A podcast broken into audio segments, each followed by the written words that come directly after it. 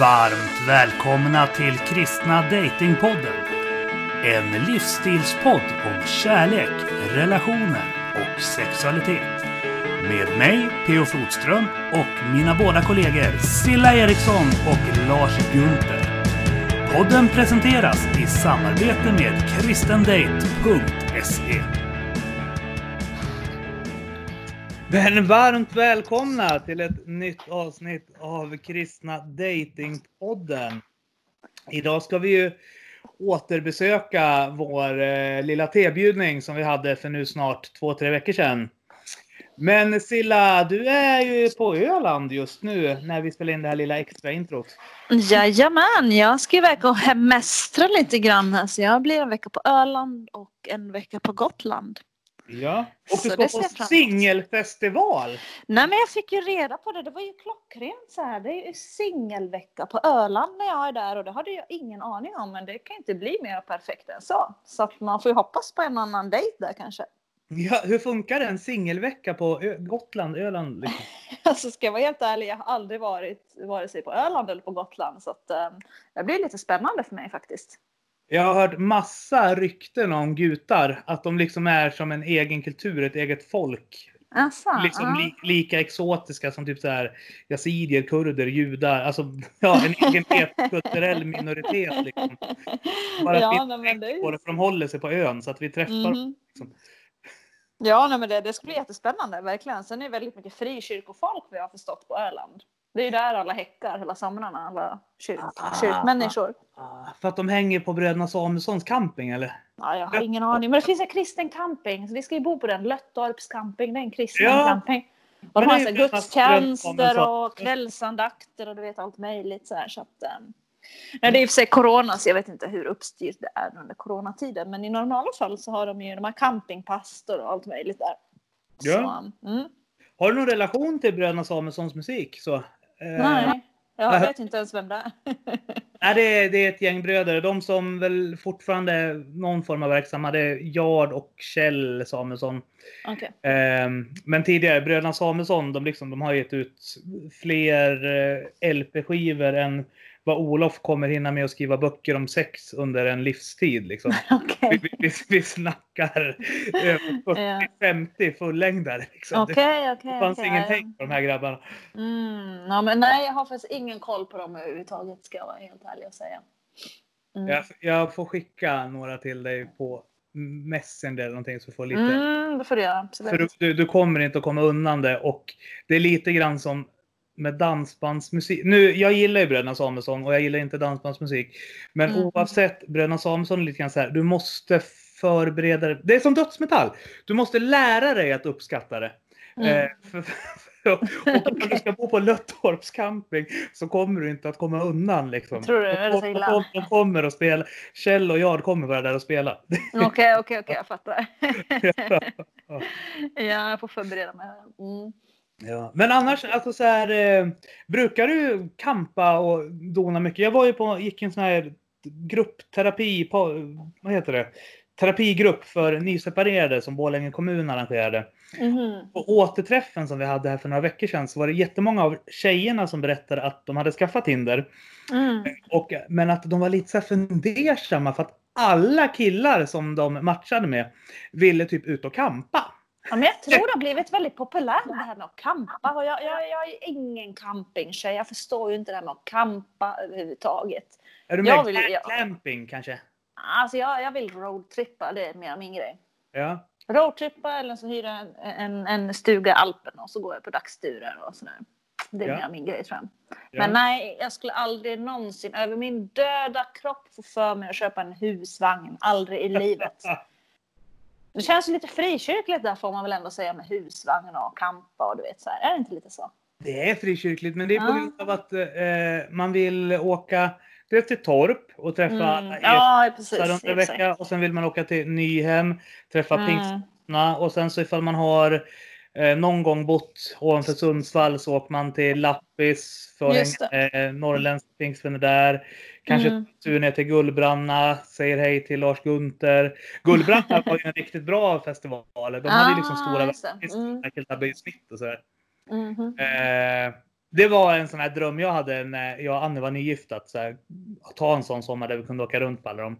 Men det blev Mm. aldrig av så. Men vi får se vad som händer i framtiden. Men- Ja, ja, du kommer hitta en ny fru som du kommer åka runt och campa med, helt övertygad. PO. Allt har sin tid i livet. Ja. Det är så.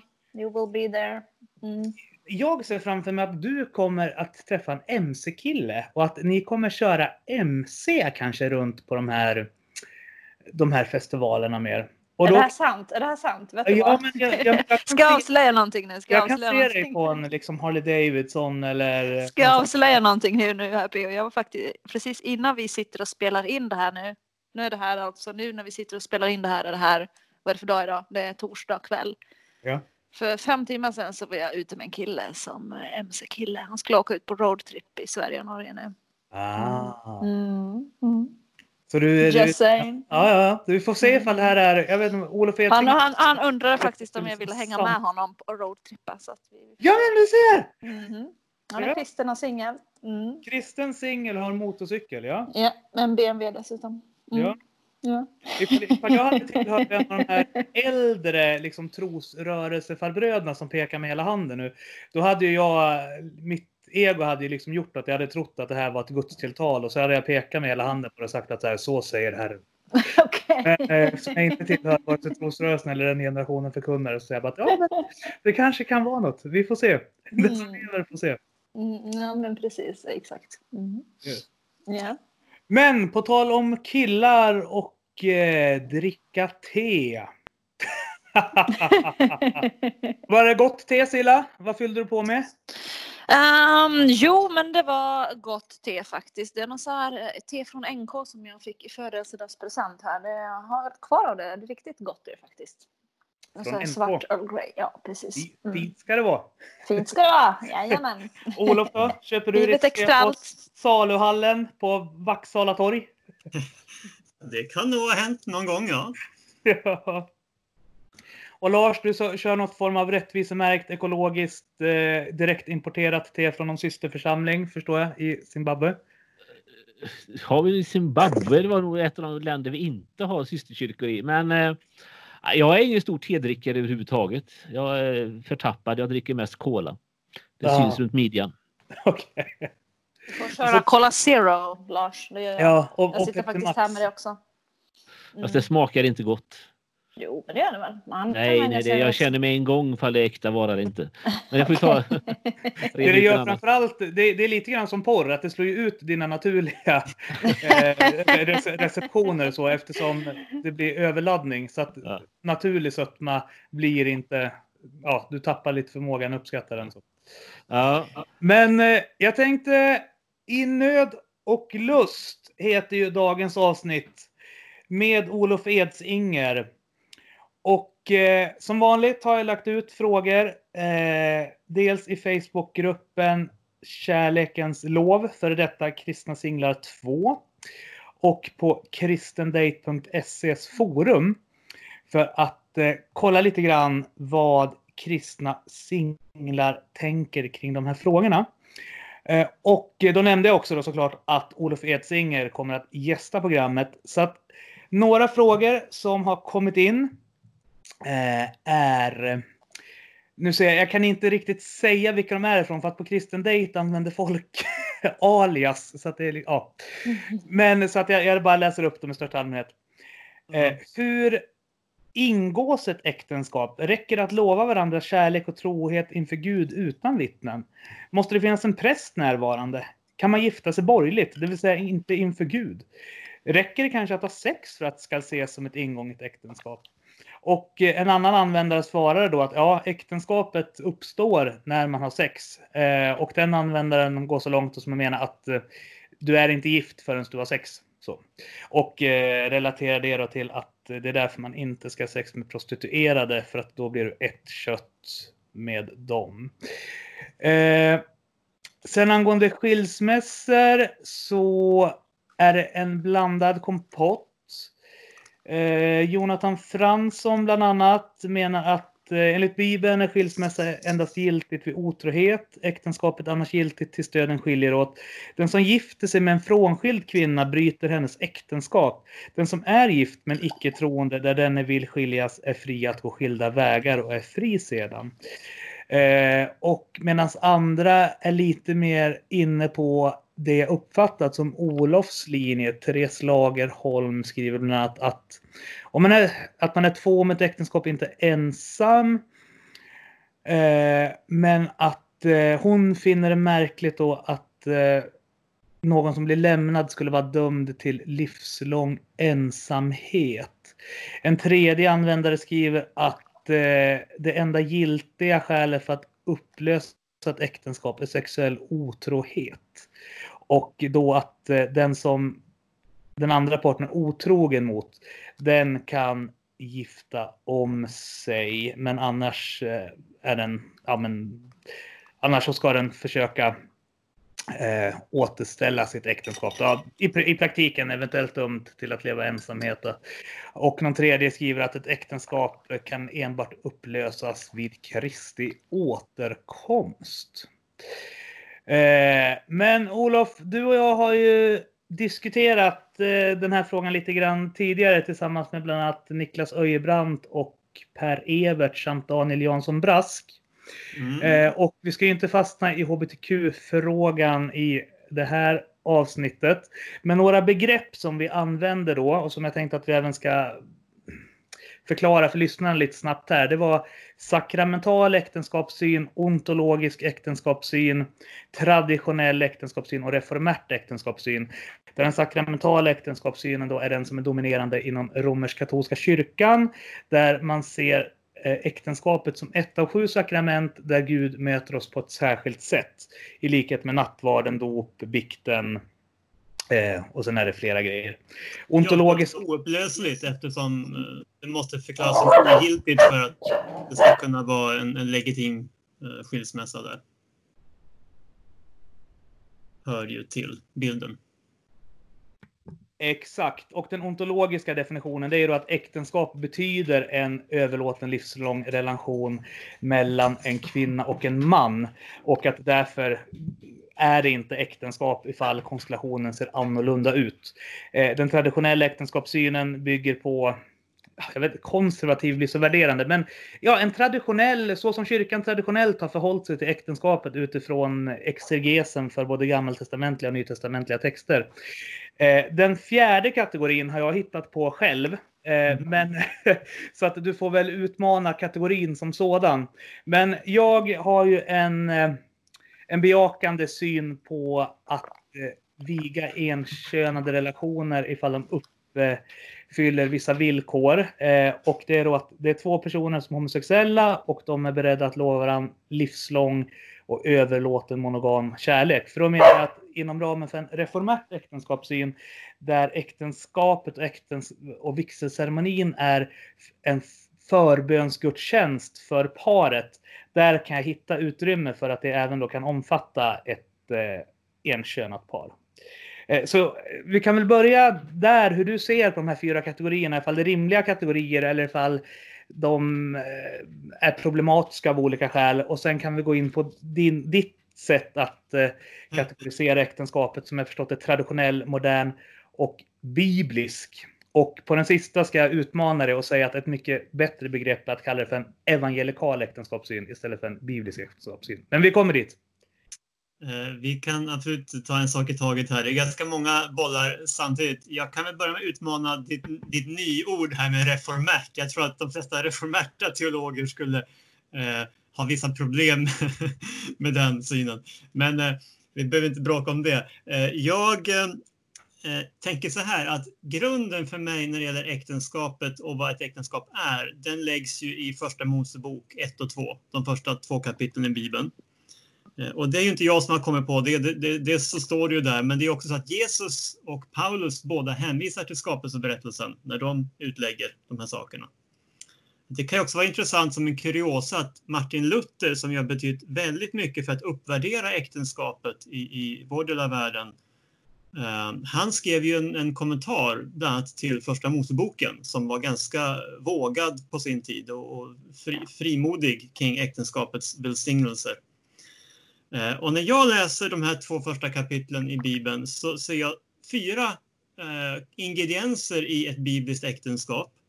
Eh, och det första är överlåtelsen till varandra, som jag var inne på tidigare. Eh, idag skulle vi ofta säga kärleken till varandra. Eh, jag föredrar överlåtelse, för överlåtelse är mer av en handling. Eh, idag, tyvärr, uppfattas ju kärlek ofta mer som en känsla. Eh, och jag har ingenting emot känslor och romantik, men, men, men jag tror att det är något mer handfast här, att man faktiskt väljer att tillhöra varandra, att vara överlåtna till varandra. Eh, den andra aspekten jag ser är troheten. Och det ser vi i äktenskapets instiftelseord. Eh, att därför ska en man lämna sin far och mor och hålla sig till sin hustru och de ska bli ett kött. Det här ordet hålla sig till eh, handlar ju om trohet. Eh, och eh, läser man eh, Gamla testamentet i stort ser man att samma hebreiska ord används flera gånger när Gud talar om sin trohet till sitt folk. Eh, och det gör ju förebilden för den här troheten till någon väldigt, eh, en, stor, en stor förebild. Det är Gud själv som är förebilden. Eller om vi så vill, Jesu trohet mot oss är vår förebild också när vi ingår i äktenskap. Så det är en livslång trohet man, man lovar i äktenskapet.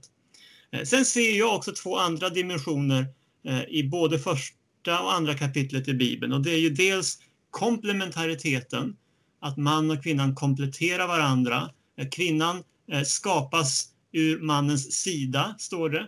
Eh, och genom att de har samma gemensamma ursprung så förenas de på nytt i samlaget. Det är alltså så att cirkeln sluts. Det som tidigare var ett åtskildes i skapelsen men förenas i den sexuella akten. Eh, så det finns en, en särskild hemlighet och poäng just med komplementariteten mellan mannen och kvinnan. Jag ska bara säga att jag köper det. Jag, jag tänker som, jag har ju också en komplementär syn eh, i grunden, men att Åh, vi ska inte fastna i den frågan kommer jag på. Så, vi struntar helt i hbtq-diskussionen. Vi kör, kör, vidare Olof. Vi spar hbtq-frågorna, för för mig är det här skilt från dem, även om ja. det självklart påverkar min hållning i dem. Det, det kan ju alla lista ut. Ja. Eh, men sen finns också den potentiella fruktsamheten. Eh, och det ser vi ju i det, det första som sägs om människan, att, att de får ju det budet att föröka sig. Eh, och för mig är det viktigt att säga potentiell fruktsamhet, för självklart är ett äktenskap eh, riktigt och giltigt även om man inte får några barn. Men äktenskapet som institution tror jag ändå är väldigt starkt förknippat med släktets fortbestånd. Att det blir barn och att de ska få de bästa tänkbara uppväxtförhållandena. Eh, så, så skulle jag sammanfatta min syn och då fick vi frågan från några som du hade haft kontakt med där då om vad konstituerar ett äktenskap? Räcker det att man lovar varandra trohet hemma på soffan så att säga utan vittnen? Eh, och jag menar att just eftersom det används förbundsspråk kopplat till äktenskapet flera gånger i Bibeln, inte minst då i Första Mosebok 2, så måste vi se paralleller mellan äktenskapet och hur man ingick förbund på den här tiden. Och ett förbund ingicks på den här tiden inför de äldste i porten, inför vittnen. Alltså det var en offentlig handling. Ehm, och eh, då menar jag att det, det, måste till för att det ska vara en biblisk syn på äktenskapet, att, att det finns något offentligt över det hela. Ehm, och det brukar vi i vår kultur lösa med att vi antingen går till borgmästaren, så att säga, den borgerliga vigseln, eh, eller till prästen. För mig spelar det ingen större roll. Jag tillhör de som egentligen förordar eh, civil vigselordning som, som grund och att man sen mer ber om Guds välsignelse över det ingångna äktenskapet i kyrkan. Men det är inte den vanligaste ordningen i Sverige utan här brukar vi eh, bunta ihop de sakerna så att säga men den juridiska biten är för mig faktiskt den grundläggande. Och sen är det självklart att jag som kristen också vill ha Guds välsignelse över en sån viktig händelse. Eh, och då hade du också någon som hade frågat eller påstått att, att det räcker att man har sex för att man ska vara gifta, för att det är det som på något vis utgör kärnan i äktenskapet. Och jag skulle säga så här, ett äktenskap som aldrig har inneburit sexuell gemenskap, det är inte ett bibliskt äktenskap. Eh, man, man talar om att äktenskapet fullbordas genom att man har sex med varandra. Efter att ha gett löftena så blir man ett, också rent fysiskt. Eh, och i judisk tradition är det där, kan ju vara väldigt påtagligt att man helt enkelt går och har sex med varandra innan bröllopsfesten fortsätter. Eh, det känns ju lite påträngande kan jag tycka, men, men det, det, det illustrerar ju tanken väldigt tydligt i alla fall. Eh, men när Paulus talar om då de personer i Korintförsamlingen som har gått till prostituerade i första Korinthierbrevet 6 så talar han ju mycket riktigt om att de har blivit ett med de här skökorna som man säger. För det har han med sig utifrån första Mosebok 2. Men han säger inte att de därmed är gifta med skökorna. Eh, så att det finns en skillnad mellan att ha sex med någon och att vara gift med någon. Eh, annars skulle ju den naturliga uppmaningen vara att du måste gifta dig, gå tillbaka och gifta dig med horan. Liksom. Men det säger inte Paulus, utan han säger att det, det, är inte så vi ska leva ut vår sexualitet, utan lev i renhet och lev i ett förbund. Och där får jag då också influga från Bibeln att vi har Amnon och Tamar i Gamla Testamentet. Som eh, är en historia hur, hur Amnon övertalar sin halvsyster att ha sex med henne. Och, eh, hon på något vis inser vad som har hänt. Eh, så säger hon nu får vi ändå be pappa och folket om tillstånd att gifta oss med varandra men det är alldeles uppenbart att de inte är gifta i kraft av att han har förfört henne egentligen kan jag säga eller eh, säga, manipulerat henne till sex. Aha. Ja. Men Olof, dina kategorier då? Traditionell, modern och biblisk äktenskapssyn? Ja, jag tycker om de kategorierna eh, därför att eh, jag möter väldigt ofta någon slags attityd till kristen undervisning om äktenskap och sex som att det skulle vara allmänt konservativt eller gammaldags eller traditionalistiskt. Eh, jag menar tvärtom att Bibelns undervisning i de här frågorna är ganska revolutionerande och utmanar inte minst en traditionalistisk syn på sex och på äktenskap.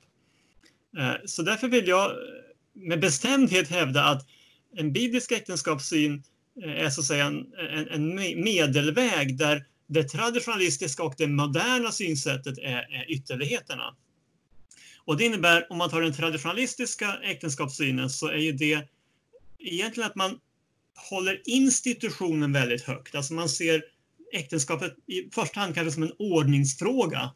Eh, och inte minst kanske för att hålla den kvinnliga sexualiteten i schack. Eh, för, för det har ansetts väldigt viktigt Eh, och det har med heder och annat att göra. Eh, vi ska vara medvetna om att en, en sån person som kejsar Augustus eh, som vi känner till från julevangeliet, där han utfärdar en förordning om att hela världen ska skattskrivas. Han stiftade också en lag som sa att en kvinna fick inte vara singel mer än två år efter eh, skilsmässa eller eh, att hennes man dog, om hon var giftas vuxen, mogen, lagom ålder. Eh, om hon själv var min, alltså tog initiativ till eller eh, i alla fall genomgick en skilsmässa så fick hon bara vara, vara ogift i ett och ett halvt år. Därför att man i den patriarkala kulturen inte kunde tolerera eh, singelkvinnor som var en slags löshästar som sprang runt och gjorde som de ville. Eh, och det illustrerar hela det här patriarkala traditionalistiska synsättet där då när Paulus talar sig varm för celibatet och till och med säger att kvinnor han säger uttryckligen att en kvinna får välja själv om hon ska gifta sig eller inte. Det är ett oerhört revolutionerande budskap. Eh, men den traditionalistiska äktenskapssynen ser det här mycket som en, en institution, en samhällsordning där det är i första hand, får man ändå säga, mannen som har privilegiet. Eh, det är den manliga tillfredsställelsen och hedern som står i centrum också när man talar om, om sexualiteten. Eh, ofta väldigt rigida könsroller också kopplat till det. Eh, går man då till andra ytterligheten så lever vi idag i en väldigt tydlig uppgörelse, naturligtvis dels med ett traditionalistiskt synsätt men också egentligen en hyperindividualistisk synsätt. Eh, så idag finns det ingen som helst respekt för det här med institutionen och liknande utan nu är det mer två självständiga parter som snudd på att förverkliga sig själva inom ramen för ett, ett äktenskap. Um, jag minns när jag läste teologi på Uppsala universitet så hade vi en feministteologisk text som talade om äktenskapet som eh, eh, alltså två suveräna individer som levde oberoende av varandra. Eh, och för mig är det rena skräcken. Alltså det, är ju, det är ju motsatsen till Bibelns förbundstanke. Att här ska två bara individer hävda sin egen rätt. Och då blir en slags nästan millimeterrättvisa. Vem, vem får ut mest av vår relation just nu? Och får jag ut för lite så drar jag. Alltså, för mig är ett hyperindividualistiskt sätt, i alla fall när man drar det till sin spets. Uh, och när jag och min fru gifte oss så la vi faktiskt till i våra äktenskapslöften att vi ville göra oss beroende av varandra. Uh, för vi tyckte det kändes viktigt att få bara sätta ord på det, att det är ju det det här handlar om. Från och med nu så, så tillhör vi varandra och vi vill leva utifrån det. Uh, och, men som sagt, det, det krockar ju rejält med vår individualistiska tid och jag tror ändå att det är en viktig orsak till att, att många äktenskap spricker idag. Att man inte riktigt från början har en syn där man överlåter sig till varandra som ju var det jag tog upp först när jag talade om en biblisk syn. Eh, och det är klart, hade vi haft text och bild så hade jag kunnat spalta upp det här i, i tre fina spalter. Men, men, men som sagt, en traditionalistisk syn och en modern syn står i någonstans i konflikt också med det jag ser som Bibelns grundsyn som talar om ett förbund där vi gör oss ömsesidigt beroende av varandra. Eh, där den sexuella gemenskapen är ömsesidig. Eh, det är alltså vare sig traditionistens syn där det är mannens lust som styr eller den moderna synen som egentligen handlar om att var och en ska se till att få ut sin egen personliga tillfredsställelse av det hela eh, i första hand. Eh, den bibliska meningen med sex är ju helt enkelt att bekräfta förbundet och bygga gemenskapen mellan mannen och kvinnan. Det finns ett större värde än att man bara har det skönt ihop. Eh, och självklart är det positivt att man har det skönt ihop, så jag säger ingenting om det, men det är någonting mer, någonting djupare, någonting större. Eh, och i det finns också en, en ömsesidig underordning som Paulus talar väldigt tydligt om. Att eh, mannen underordnar sig sin fru och frun underordnar sig sin man i någon mening att man går varandra till mötes Eh, vill varandra väl och faktiskt också tjänar varandra, till och med när det kostar på. Ehm, med Jesus själv som vår främsta förebild. Ehm, och, det tror jag är mycket främmande för både den traditionalistiska och den moderna äktenskapssynen. Och därför så tycker jag att det är riktigt att ha en biblisk äktenskapssyn som utmanar i båda de riktningarna. Yes, det var vad jag ville säga där. Ja, men det var spännande och lärorikt som vanligt. Jag har ju kollat en del grejer som, och jag kan säga det till lyssnarna också, att eh, vill ni se de här spalterna som Olof önskade att han skulle ha med sig så gå in på Youtube och så söker ni på Olof Edsinger eh, och Uppdrag Guds rike 2019.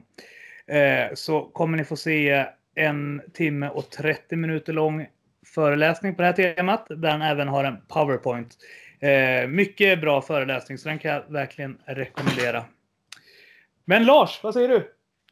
Ja, jag säger i första hand eh, amen eh, till, till, det mesta här får vi säga. Ganska ofta jag och Olof hamnar någorlunda nära varandra rent eh, när det gäller bibeltolkning och liknande sådana saker. Jag, jag tänker också jämfört med en del av det du läste upp tidigare, reaktioner som du har fått på, på olika sociala medier och liknande att eh, det finns ju två sätt att läsa Bibeln runt de här orden och det ena är att man tänker sig att Bibeln är en slags mekanisk handbok, att jag befinner mig i, situation X. Då letar jag Bibeln tills jag hittar bibelordet som handlar om situation X och så tillämpar jag det rakt upp och ner precis som det är. Eller så tänker jag mig att, att de som tog emot bibelordet första gången, de befann sig i situation Y. Och då hade Paulus eller Jesus eller evangelisterna eller profeterna någonting att säga till dem i sin situation. Och så måste man ta lite hänsyn till det här innan man sen flyttar in tillämpningen i vår tid. Och, och det jag har läst av Olof och andra sammanhang så tycker jag också att det är en, en väldigt stor poäng i att han faktiskt tar den här så här, hermeneutiken, den här eh, säga, tolkningen på allvar, att han inte bara gör det här liksom slaviska, mekaniska. Eh, och jag skulle säga eh, eh, eh, en av de sakerna som jag hade med mig som jag pratade om i inledningen till programmet när jag själv gick igenom skilsmässa. Det var att jag hade studerat puritanernas syn på äktenskap och skilsmässa. Ordet puritan det låter i våra öron som någon som är väldigt ja, tillknäppt och pryd och så vidare. Jag kan säga, det fanns ett exempel på 1600-talet i en puritansk församling där kvinnan drog sin man till äldstekåren och sa att eh, han bör uteslutas ur församlingen för han syndar.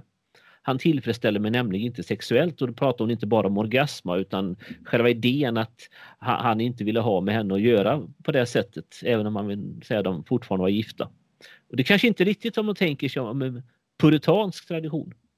Men de hade eh, så här, tänkt igenom det här. Vad händer om den ena parten eh, är med om en, en, skada som gör att eh, den personen in, inte längre kan fungera i ett traditionellt äktenskap? Vad händer om eh, en person eh, säga, får, får någon form av ordentlig personlighetsförändring? Det var inte det ordet de använde men de hade det tänkande i samma kategorier.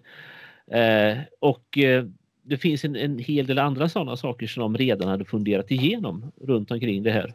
Som gjorde att eh, det fanns en, en, eh, en anpassning till den situation som rådde utan att man behöver kompromissa med det som är själva driven i Bibelns undersökning, alltså eh, vad, vad Bibeln syftar till. Mm. Jämfört med det här mekaniska, ja det kan bara vara skilsmässa om den ena parten är otrogen. Vilket överhuvudtaget inte vad Jesus säger i det här sammanhanget. När han pratar om otukt så menar han gissningsvis att det är ett släktförhållande som inte man hade kollat upp. Alltså du är gift med din kusin, då kan du få skilja dig för att det är en för nära släkt. Så Jesus när han säger att du kan få skilsmässa på grund av otukt så pratar han inte om äktenskapsbrott för då hade han använt ett annat ord än otukt.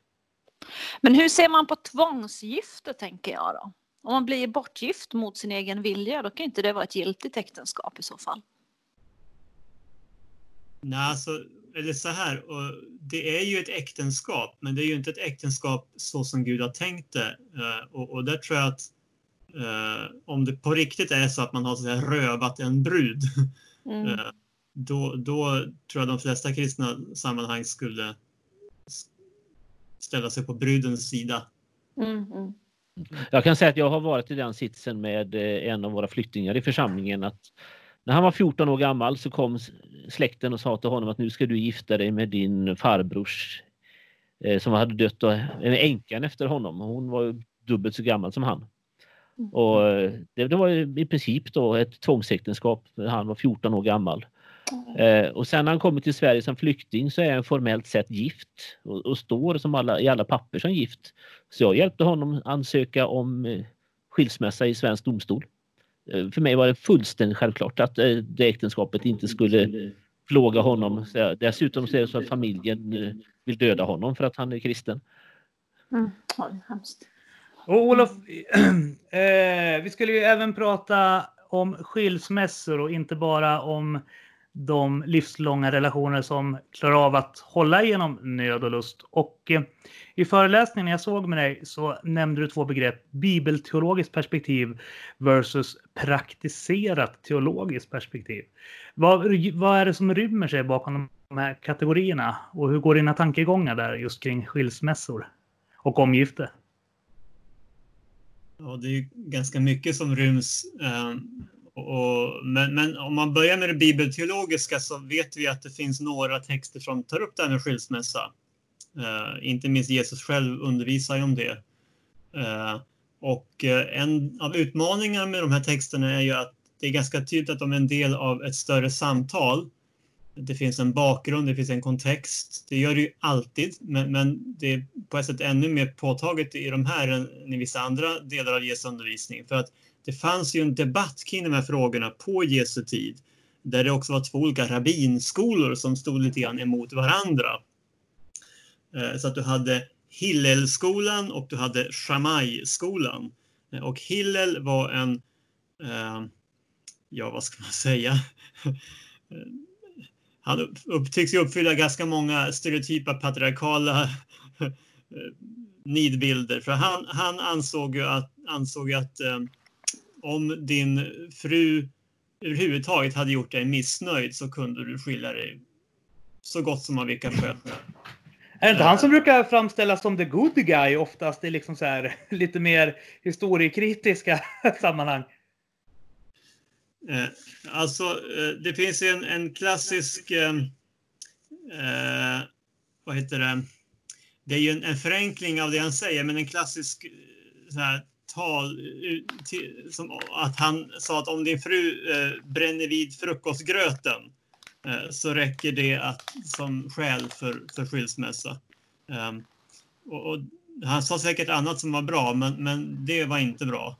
Uh, för vi ska komma ihåg att det här är en situation, ja, men det fanns ingen välfärdsstat eller någonting. Va? Så att som kvinna var man ju extremt utsatt.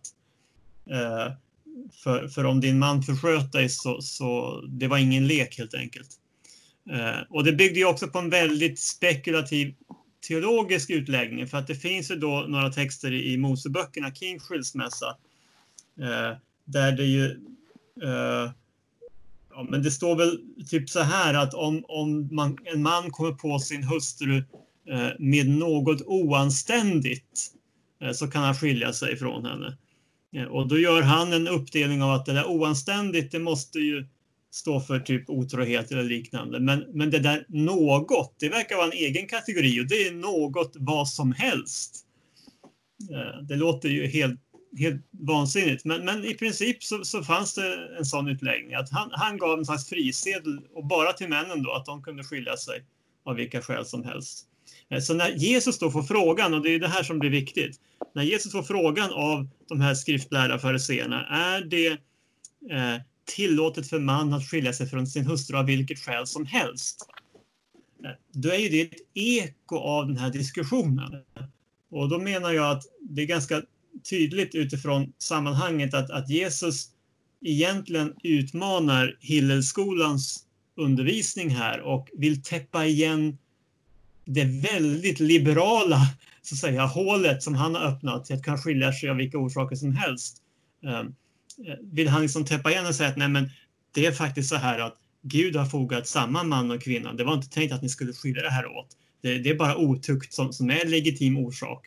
Ehm, man kan inte hålla på och snacka om frukostgröt och annat utan, utan det måste vara det tunga artilleriet, verkligt stora problem som, som, som motiverar en skilsmässa. Typ så. Och vi kanske ska nämna också för att jag har fått en del meddelanden från eh, ja, men, kristna lyssnare som eh, har varit lite upprörda kring en del av materialet och för att de menar eh, det var en som skrev till exempel ifall det ni ägnar åt exegetik så är det fruktansvärt. Så, eh, så att jag tänker att Olof får väl fungera lite grann som ett pedagogiskt exempel här på att det han gör hela tiden nu är också exegetik. Exegetik är inte en enskild bibeltolkning, utan det är liksom läran om att tolka bibeln kontextuellt eh, i relation till den omkringliggande kultur den tillkom.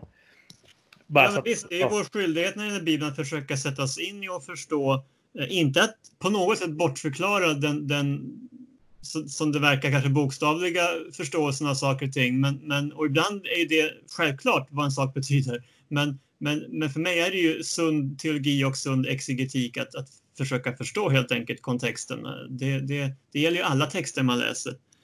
Eh, och en annan sak som kan vara bra att känna till är ju att, att det var alltså väldigt vanligt, bland annat på grund av detta, med skilsmässor på Jesu tid. Det var dessutom ganska vanligt med polygami, eh, vilket jag inte kände till förrän jag började forska lite mer i det här. För det har gått lite i vågor inom judendomen. Um, men men eh, sammanhanget var helt enkelt en ganska liberal hållning både till polygami och till skilsmässa och där är Jesus tydlig. Inte minst också med tanke på den svagare parten som alldeles uppenbart är kvinnan i det här fallet. Uh, att, att det finns en djupare tanke här. Vi kan inte bara latcha med de här viktiga frågorna. Mm. Och sen också vill jag passa på att nämna att vare sig jag eller Silla är exegeter. Lars är exeget, Olof är exeget, Silla är evangelist eh, och jag är apologet som visserligen innehåller vissa drag av exegeten. Liksom. Men jag, tar ju, jag läser ju sånt som Olof och Lars skriver och sen försöker jag omvandla det till ett annat format. Det är vad apologeten gör. så. Ja, och jag säger bara så här att folk får jättegärna eh, ge respons på det jag säger när jag hänvisar till exegetiken men eh, det får gärna vara någonting konkret att ta i, inte bara liksom lite svepande, det där är bara kass. Utan eh, vad var det som var dåligt? Vilket bibelord var det jag missförstod och så vidare. Så att det kan bli någon form av vettig diskussion runt en sån sak. Men du Olof, jag undrar ju det här med otukt. Skulle inte du kunna förklara det för mig? Eh, det står ju i Matteus 19 och 9 så står det så här att den som skiljer sig från sin hustru av något annat skäl än otukt och gifter sig med en annan han begår äktenskapsbrott. Och det med otukt är något som förekommer ganska mycket i Bibeln. Alltså den bibliska, bibliska ordet för sexuell synd. Men då undrar jag egentligen i den här kontexten, här, vad, vad, vad menar man med otukt? Vad är otukt egentligen? Eh, Ja, vi fick ju en teori från Lars eh, och jag säger väl inte emot den, men jag skulle nog vilja komplettera den ändå. Mm. Eh, Alltså, för du nämnde ju incest eller säga nära släktförhållanden. Och det är alldeles uppenbart att otukt, eh, en viktig del av otukten i Gamla testamentet, det är just incestuösa relationer som förbjuds då helt enkelt. Eh, men vill man ha definition av otukt ska man egentligen läsa tredje Mosebok 18. Eh, för det är den mest utförliga förteckningen över sexuella synder. Eh, och en jude på Jesu tid som hörde ordet otukt associerade direkt till tredje Mosebok 18. Det är där man får definitionen. Men man likställer då med sexuell otrohet. För man kan ju vara otrogen på väldigt många olika sätt, tänker jag. Eh, ja, eh, och det är en viktig poäng. Jag tror att i det här sammanhanget så, så ligger fokus mycket på de fysiska, konkreta handlingarna. Mm. Eh, Men i den beskrivning jag gav av äktenskapet tidigare som att man överlåter till varandra, ingår ett förbund, i sexuella samlivet förenas till ande, själ och kropp.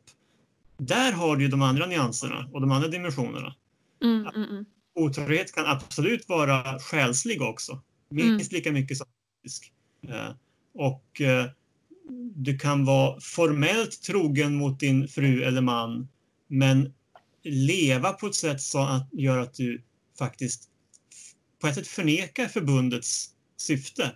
Eh, Och Mm. det är skönt att jag tror att det- det också utifrån Bibeln finns fler legitima skäl för skilsmässa än strikt bara så att säga o- fysisk otrohet Mm, och det som mm. ju Paulus sen nämner i första Korinthierbrevet med att man är gift med någon som inte är kristen och där den personen eh, så insisterar på att ta ut skilsmässa.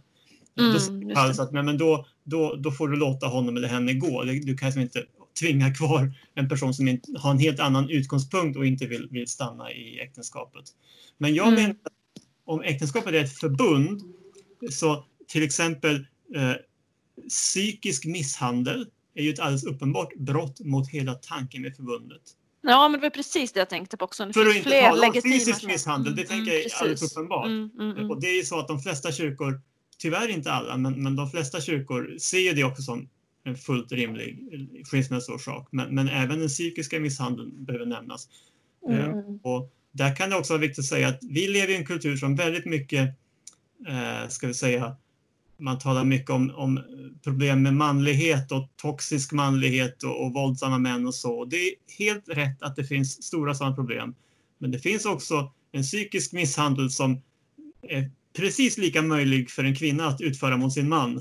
Och det är ett Mm. lika stort problem, eh, eh, i alla fall lika allvarligt problem där det är så. Och jag tänker också i relationer där det kanske finns missbruksproblematik och det kanske skadar barnen och så. Det borde också kunna vara ett legitimt skäl för skilsmässa. Precis, och där tror jag egentligen att du, du egentligen summerat det de flesta konservativa kristna sammanhang idag skulle, skulle säga som de fyra Mm. grundskilsmässoorsakerna. Det är otrohet, det är att en icke-troende partner vill lämna, eh, det är eh, fysisk psykisk misshandel. Mm. Men Olof och, Och Lars, ser ni, ser ni någon skillnad på skilsmässa och annullering?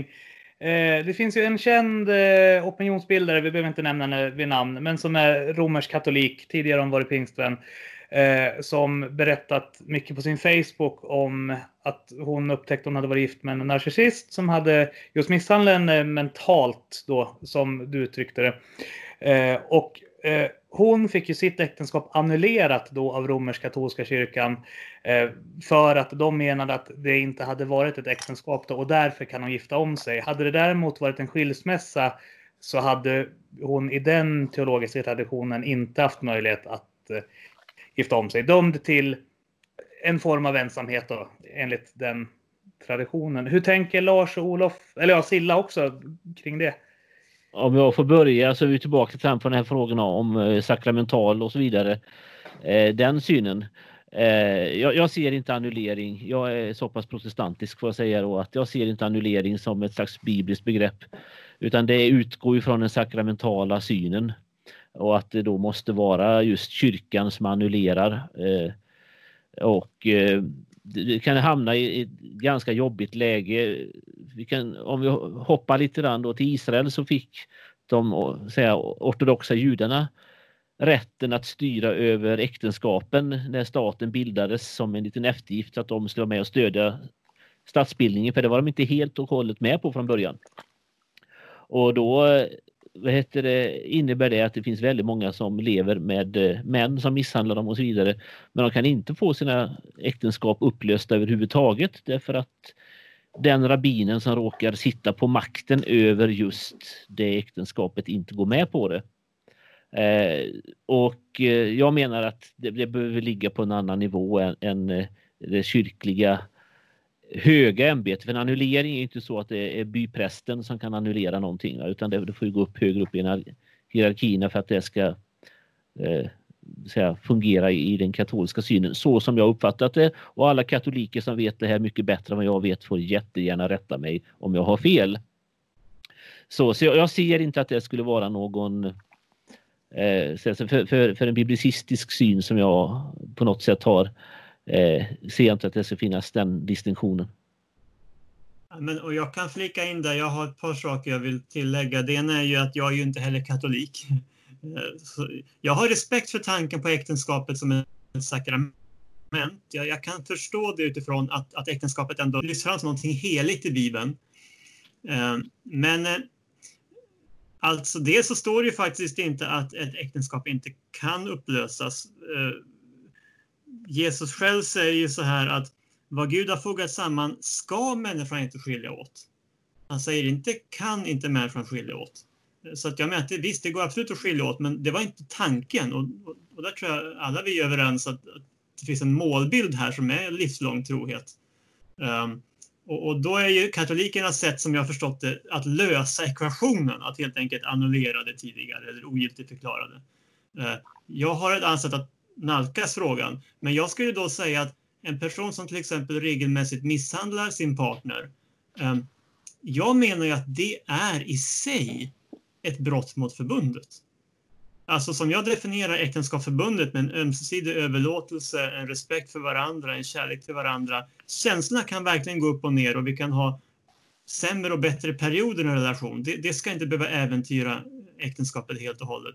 Men om, om en man, för att ta det exemplet, misshandlar sin fru i tio år och hon efter de tio åren tar ut skilsmässa så skulle jag inte säga att det är hon som tar ut skilsmässa. Det är ju liksom han som i tio år har underkänt sitt eget löfte, sitt eget förbund till sin fru. Eh, så ska vi tala om skuldfördelning så, så menar jag att han i handling har faktiskt upphävt sitt äktenskap medan hon då formellt har valt att vänta med att, att ta det juridiskt om man uttrycker sig så. Eh, och där måste det finnas någon slags barmhärtighet också från kyrkans sida, tänker jag. Ja. Hur tänker du kring omgifte då, i protestantisk kontext? Eller jag vet inte, Lars kanske vill börja? Eftersom du har en... Eftersom jag, eftersom jag är omgift. Eh, ja, eh, klockan tickar på och det skulle krävas en ganska lång utläggning just därför att du hamnar i exegetiska frågor. Eh, men som vi var inne på nu häromveckan prata om att titta på någon med lust och att man då bryter den personens äktenskap som man tittar på och inte sitt eget. Eh, så är det alldeles uppenbart att här finns det någon form av kulturell kontext i sammanhanget vi måste ta hänsyn till när vi tolkar bibelorden. Alltså varför bryter man inte sitt eget äktenskap om man gifter sig och skiljer eh, eller om man skiljer sig och gifter sig med någon annan? Varför är den personen man så att säga, då gifter sig med den personens äktenskap? Eh, och det låter sig kanske inte riktigt utredas i de korta minuter som vi nu har kvar på det här programmet som håller på att bli ganska långt. Men min slutsats är den att eh, vi inte bara kan tillämpa de här bibelorden helt slaviskt. Ja, min slutsats är väl att um, uh, alltså jag vet inte hur jag, jag ska säga där. Jag, jag tillhör ju de som inte är intresserade av att försöka slingra mig ur Bibelns grepp så att säga. Alltså jag, jag, jag tycker det är ganska ointressant att försöka hitta alternativa tolkningar för, för sakens skull, utan är jag övertygad om att Bibeln verkligen på goda skäl ska tolkas på ett visst sätt, då, då vill jag lyda det. Eh, också i den här frågan. Men jag menar ju alltså att eh, i den kontext som, som rådde eh, var ju eh, hela konceptet med skilsmässa byggde på att eh, man gav sin respektive ett skilsmässobrev som gav rätt till omgifte. För det här var ju en kultur där, där man, man var inte singel. det var bara så. Alltså, det var ytterst få som levde som singlar. Eh, så när Jesus och även Paulus tydligt öppnar för att det finns legitima skilsmässor så menar jag att det implicit betyder att de förväntar sig att när man har genomgått en legitim skilsmässa får man också gifta om sig. Ehm, hade de inte ansett det så skulle de ha behövt uttrycka det tydligare för att det skulle vara att gå emot en sån massiv kultur, kulturell förväntan och faktiskt också utifrån Gamla Testamentet en, en sån självklar förväntan att skiljer man sig så gifter man om sig. Ehm, däremot så tror jag att det är viktigt för oss som kristna att se att eh, det är absolut inte ett legitimt skilsmässoskäl att jag blir kär i grannen. Eh, så att jag lämnar min partner för att jag vill gå till en annan. Och jag är väl medveten att det ändå förekommer lite nu och då, men, men det är inte någonting som jag ser att man har täckning för utifrån Bibeln. Att, att känslorna eh, spelar en spratt, det, det, är inte liksom, eh, det är inte en bibelgrundad orsak till skilsmässa och därmed inte heller till omgifte. Men kvinnan som blir övergiven av sin man eh, och står där med, med tre barn eh, och han kanske går till en annan. Är det verkligen självklart att hon i trohet mot Bibeln ska leva singel resten av sitt liv? Jag, jag tror faktiskt inte det. Mm. Jag ska bara göra ett förtydligande där bara så att inte våra missnöjda lyssnare som tycker att vi är dålig exegetik eh, missuppfattar mig. Alltså, eh, det handlar för mig inte heller om att slingra sig ur. Alltså det, det handlar om att hitta betydelsen så gott det bara någonsin går och sen tillämpa den idag. Sen kanske jag och Olof ibland tar lite olika vägar dit för att vi har lite skillnad i vårt sätt att göra exegetik. Men att slingra sig, det är det sista jag är intresserad av. Mm. Yes. Hörni, jag tycker det här ämnet börjar bli lite deprimerande så jag tänkte vi ska prata om någonting roligare. Och ni vet vad det är. Det är Silla Bride to be. Vad ska jag ha på mig? Vad ska vi bjuda gästerna på? Vart ska vi vara? Men åh, vem ska jag gifta mig med? Ska Silla klara utmaningen? Att både möta sin drömkille och hinna föra honom till altaret innan året är slut. Följ utmaningen hashtag SillaBrightToBe 2020 i varje nytt avsnitt av Kristna Datingpodden. Silla, vet du vad? Ja! Jag tänkte att eh, det känns lite förmätet av mig att eh, coacha dig i datingdjungeln när vi liksom har eh, svensk kristenhets eh, största datingcoach, kan jag inte kalla honom för, men liksom eh, hela svensk kristenhets ungdomsledare som liksom pratat om det här med kärlek, sex och relationer en stor del av i alla fall mitt vuxna liv. Jag vet inte om han har gjort det i stor del av sitt vuxna, för han är tio år äldre än mig. Men, så jag tänkte faktiskt sätta mig i baksätet idag och låta mm. Olof ta över ratten så att säga. Ja, ja, jag förstår. Ja, men vad spännande. men det ser jag fram emot. Så vad kul.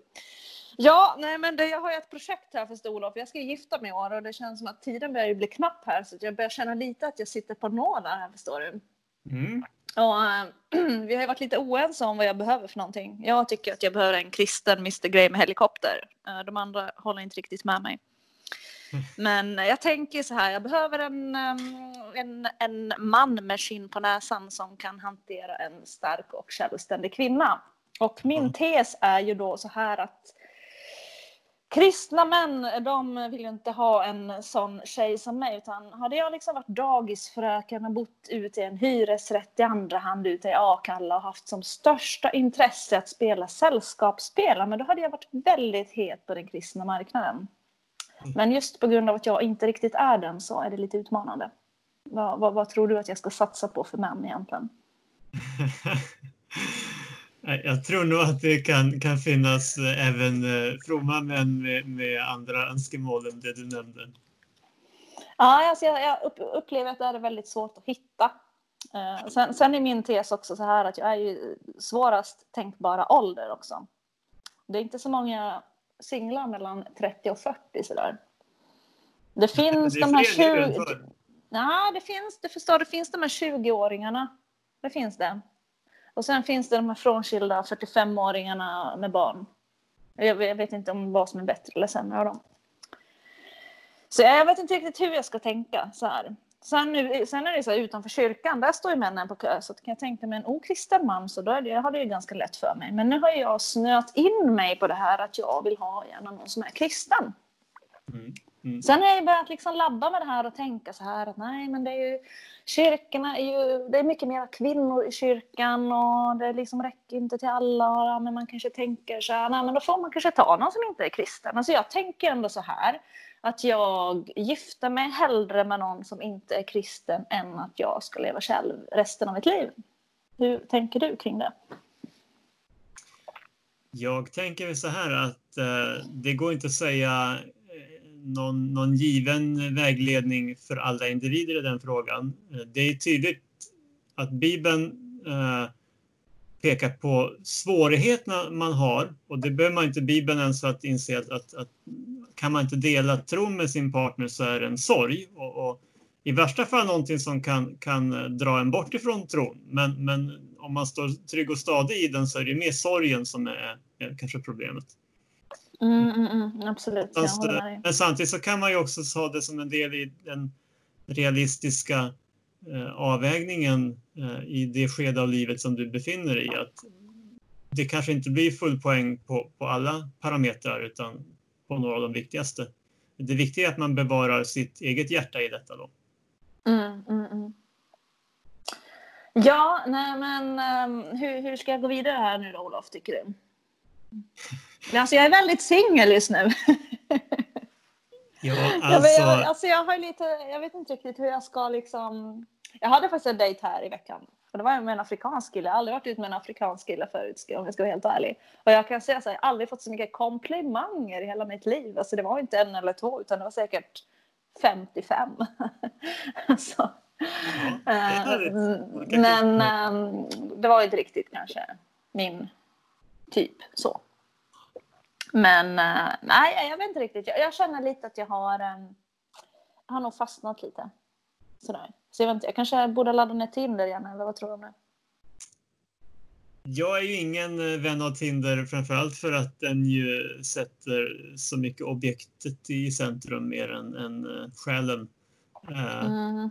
Jag tror ju fortfarande att det där Höga Visan säger om att inte oroa kärleken och ha, så att säga, stressa fram någonting är ett klokt råd. Det som ligger på oss är att, att ändå vara på något sätt aktiva och öppna i att de vi möter också eh, att ge varandra en chans. Eh, så vi inte bara sitter hemma och häckar på rummet, för klart då träffar vi aldrig någon. Men jag tror att det är ganska många som ångrar om de slänger sig in i någonting bara för att man bär på den längtan om det sen inte alls synkar med vem man vill vara och vad man vill skapa tillsammans. Ja, alltså man kan väl säga så här lite kort att jag är ingen som häckar i soffan utan jag har ju faktiskt dejtat inför hela svenska folket. Jag har um, gjort events. Jag har, alltså jag har gjort hela spektrat. Jag har gjort verkligen allt. Internet dejtat. I tried it all. Så att, uh, jag ja, nej, men jag har också är... anat att det inte är, häckandet på rummet som är ditt problem. nej, jag vet inte men oavsett fas i livet så, så får man ju på något vis se och, och hitta meningen i den fasen och sen kan man be och hoppas att det kanske kommer andra faser. Men, men som sagt, eh, blir det för mycket stress i det, då är det ofta en dålig motor. Hmm, du tror alltså att jag är för stressad så jag borde liksom chilla mer, tänker du? Eller? Det kan jag inte uttala mig om. Jag vet för lite om eh, privatliv. att Mm, jag förstår. Mm, mm, Ja, men jag kanske har rätt i det. Jag kanske ska chilla ut. Jag har varit inne lite på det här också. Faktiskt. Att jag kanske borde... Jag gör ju allting till så stora projekt i mitt liv. Det är väl lite min både styrka och svaghet egentligen. Men... Den eh, frågan för alla kristna, oavsett just den här frågan, det är ju hur kan jag bäst ära Gud i den livssituation jag är i just nu? Och intressant nog är det det som Paulus tar upp väldigt starkt också i, i sin undervisning. När han talar om det här med äktenskap och singelskap så är hela mm, så här, centralbiten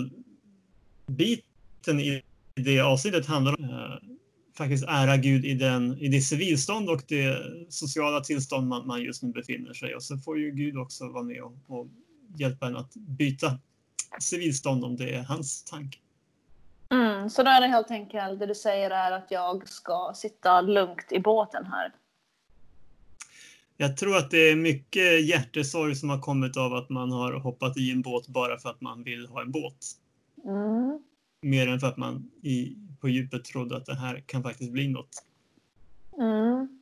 Nej, alltså det är ju också som många säger att hellre att man är singel än att man är i en dålig relation så är det ju definitivt alla dagar i veckan. Det kan jag också skriva under på. Vi Så har det ju, alla mött gifta personer som verkar ganska ensamma trots att de är gifta. Mm, mm, absolut. så Silla, det jag hör det är att du i uppdrag till nästa avsnitt ska ta en liten vacation med lite kompisar och chilla. Ja, vi åker faktiskt till Öland en vecka och sen åker vi till Gotland. Så att um, mm, det blir Ja. lite hemester. Lite datingfasta så att säga. Ja, eller så blir det massor. Vet du vad? Vi ska ju till Öland nästa vecka och det är singelveckan på Öland nästa vecka. Så Det är eh, Ja, klart så det blir det massa dejtande där. Det blir bra tajmat. ja, så vi får se. Det kanske blir någon dejt där också. Mm. Yes. Men då går vi in för landning vänner.